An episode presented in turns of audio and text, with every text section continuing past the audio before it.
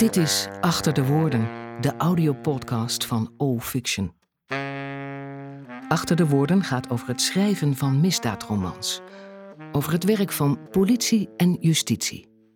Over verhalen, van binnenuit. Gebaseerd op actuele, waargebeurde zaken.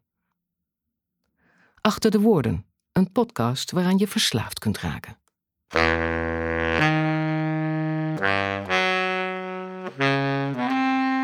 Ieder kwartaal publiceert Achter de Woorden een nieuw fragment uit de reeks Severijn en Govaert of een kort verhaal als voorstudie voor deze misdaadromans. Achter de Woorden doet verslag van persoonlijke ervaringen uit de wereld van politie en justitie.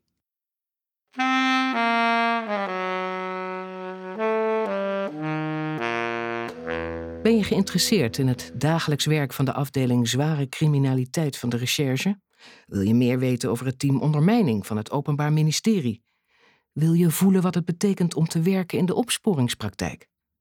Abonneer je dan op Achter de Woorden via onze website allfiction.nl en laat weten wat je van deze afleveringen vindt. Zoek je contact? Heb je vragen, opmerkingen of suggesties? Kijk op allfiction.nl. Achter de Woorden, een criminele podcast. Mijn naam is Maud Koppers. Je luistert naar aflevering 3 van augustus 2019. Zometeen hoor je De Gijzeling, een fragment uit Onder Verdenking, het eerste deel van Severijn en Govaert. Nu eerst een persoonlijke ervaring van de schrijver Erik Oosthoek, dader onbekend. Achter de schermen bij de recherche. Dinsdag 24 april 2018. Ernstige aanrandingen. Jonge vrouwen zijn het slachtoffer, meestal s'avonds of s'nachts. Zowel in het centrum als in de buitenwijken.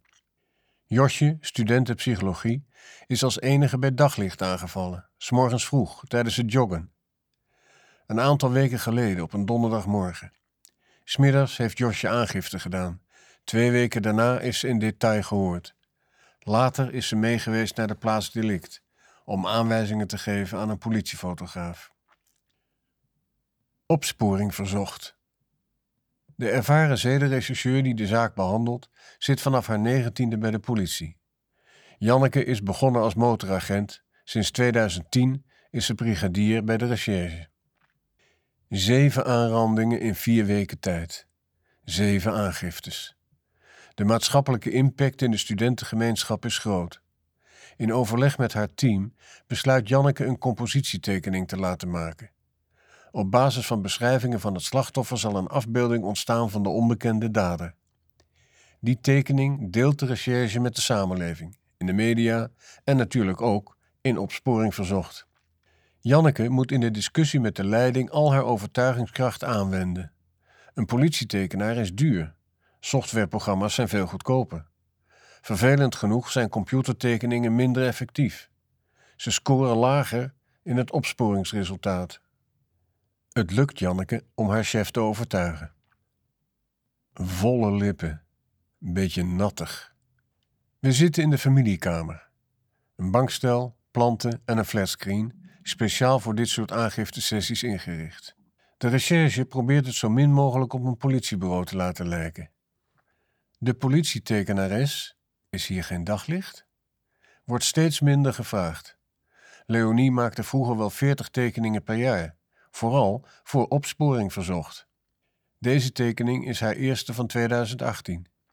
Ze pakt een doos vol met vettige enveloppen en bevraagt Josje aan de hand van foto's uit tijdschriften.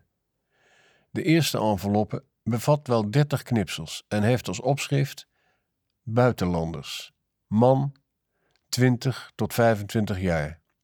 Is die keuze een vooroordeel? Nee, zo hard is de praktijk nou eenmaal, weet Leonie. Josje, zelf 1,72 meter lang, weet twee dingen zeker. Hij, hij is van buitenlandse afkomst en kleiner dan ik. Tientallen knipsels worden bekeken. Foto's die lijken, ja, ja, die neus klopt wel. Belanden op tafel. De rest gaat terug in de envelop. Details komen terug in Josjes herinnering. Uh, jonger dan de man op die foto, denk ik. Molliger, rond gezicht, beetje zo'n zo'n babyface. Niet aantrekkelijk. Zo'n klein getrimd baardje. Oh, sorry. Had ik, dat, had ik dat dan nog niet gezegd? Dat haar weet ik niet meer. Zwart, denk ik. In ieder geval niet kaal. Volle lippen, beetje nattig. Gadver! Janneke schrikt van zichzelf. Het is eruit voor ze het weet. De aangifte. Later lees ik het procesverbaal van Josjes aangifte. Op 5 april 2018, rond 6 uur 30, loop ik naar mijn studentenhuis.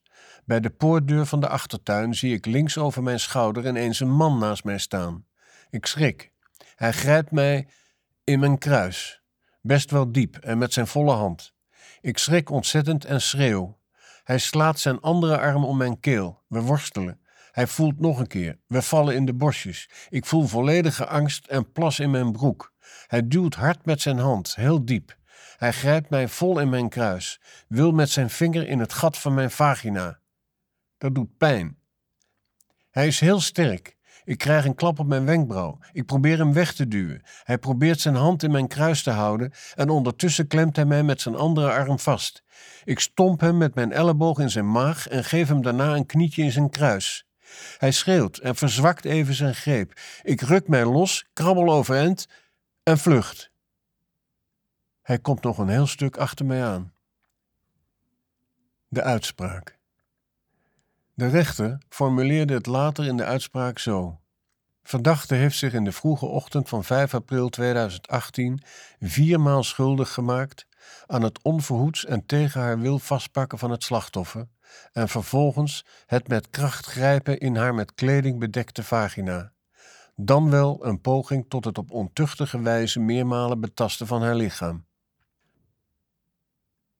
Paniekaanvallen. Leonie tekent met pastelkrijt op grijs papier. De putjes in het materiaal vullen zich langzaam met krijt.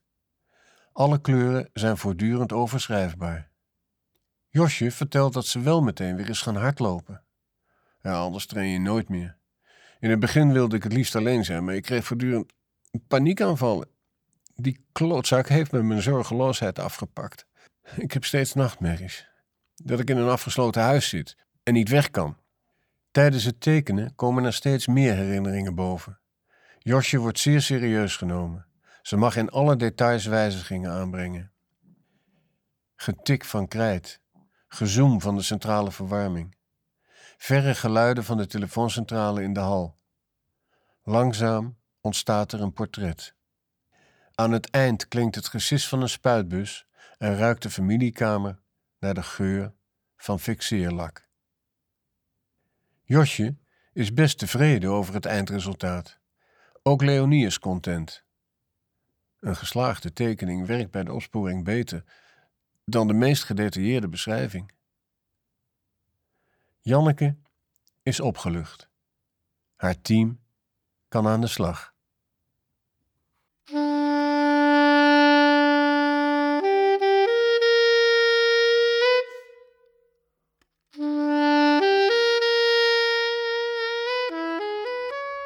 En dan nu, de gijzeling. Een fragment uit Onder Verdenking.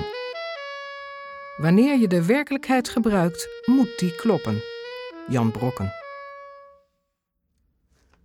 Om een uur of zeven fietste Juri van de Oosterdoks-kade terug naar de Brouwersgracht.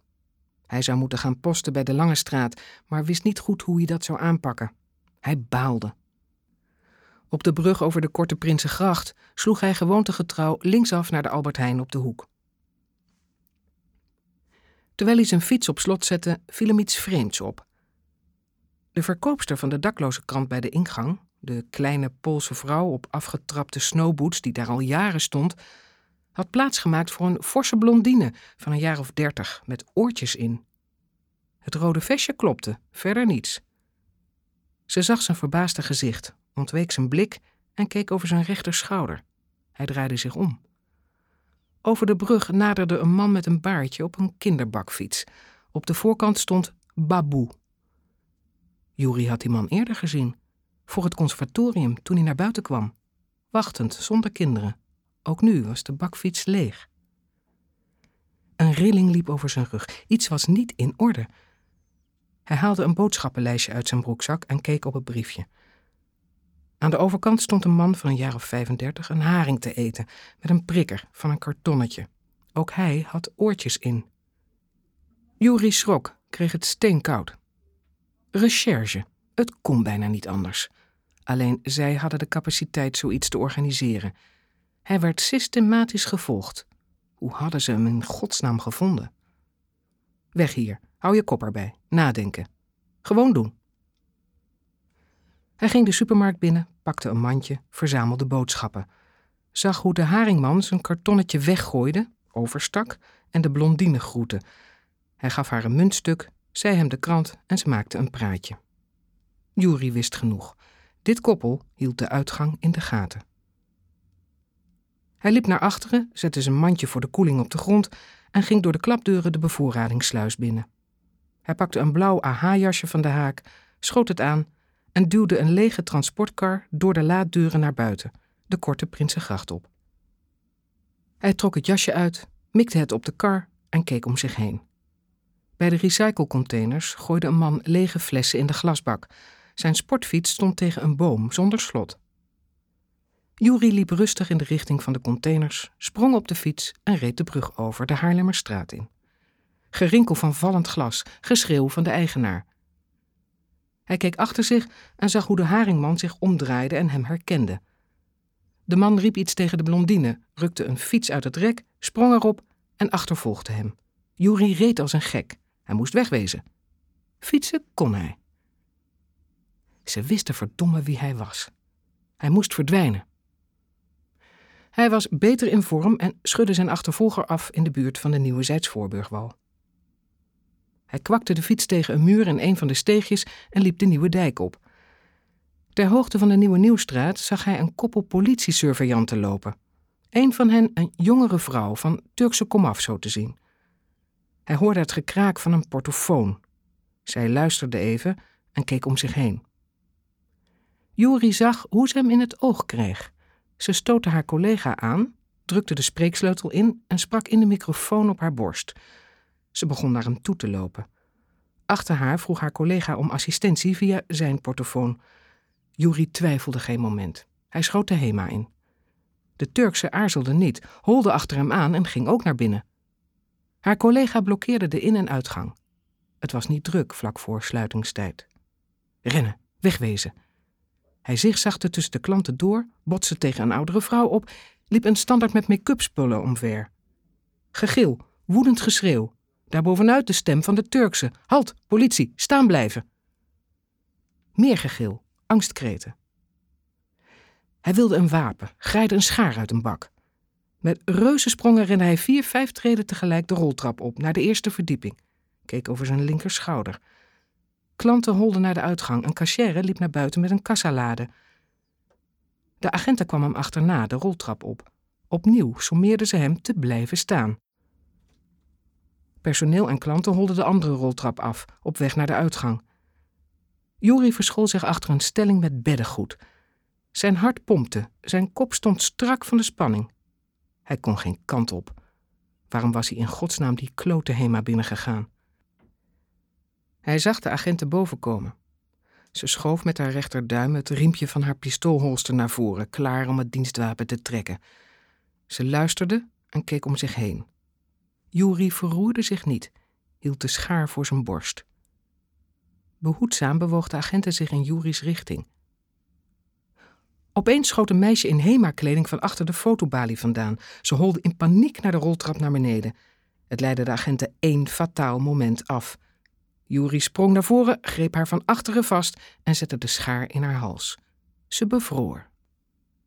Juri sprak heel zacht, wilde niet dat ze hem beneden konden horen. Alsjeblieft, geen beweging. Blijf heel stil staan, anders steek ik je dood. En dat wil ik niet. Ondertussen vluchtte op de begane grond iedereen naar buiten, begeleid door haar collega. Juri trok haar langzaam naar achteren, verder uit het zicht van haar collega beneden. Pak je wapen. Langzaam en heel voorzichtig, met duim en wijsvinger. Probeer niks, ik heb weinig te verliezen, meisje, heel weinig. De agente trok haar wapen met duim en wijsvinger uit de holster en hield het omhoog met de loop naar beneden. Leg neer, op die handdoeken. Ze deed behoedzaam wat haar gevraagd werd. Juri trok haar meteen weer naar achteren. De schaar bewoog. Ze spande geschrokken haar spieren. Een druppel bloed welde op bij de punt. Nu de boeien. Pak ze heel rustig en klik een van de twee dicht rond je rechterpols. De agenten trilde. Bij de tweede poging zat de transportboei vast rond haar pols. Juri nam haar mee naar een steunpilaar, trok haar armen rond de betonnen paal naar achteren en klikte de andere boei aan haar linkerpols vast. Hij trok de portofoon uit haar riem, rukte de microfoon los en legde de set opzij. Gekraak. Onverstaanbaar. Hij klikte de sleutel van de boeien los van haar riem en stak hem in de borstzak van zijn hemd. Juri knielde voor de agenten, maakte de gesp van haar koppel los en probeerde de riem uit de broeklussen te trekken. Lukte niet. Alles zat vast. Patroonhouder, pepperspray, holster. Verdomme. Hij trok met een ruk haar broek met het koppel in één beweging naar beneden, tot op haar enkels. Tot zijn verrassing had ze een sexy rode slip aan. Alles ging mis. Een gijzeling, verdomme. Wat moest hij nou? Vluchtauto? Hij had geen zin in dit gelazer. En waar moest hij heen? Hij had niemand.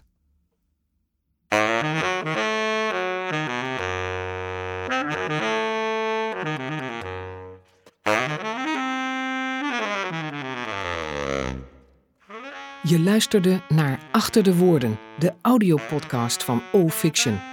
Op saxofoon Gerrit-Jan Binkhorst. Mixage Mark Meewis. Dit was het voor nu. Tot de volgende keer. Fictie werkt. Telkens weer.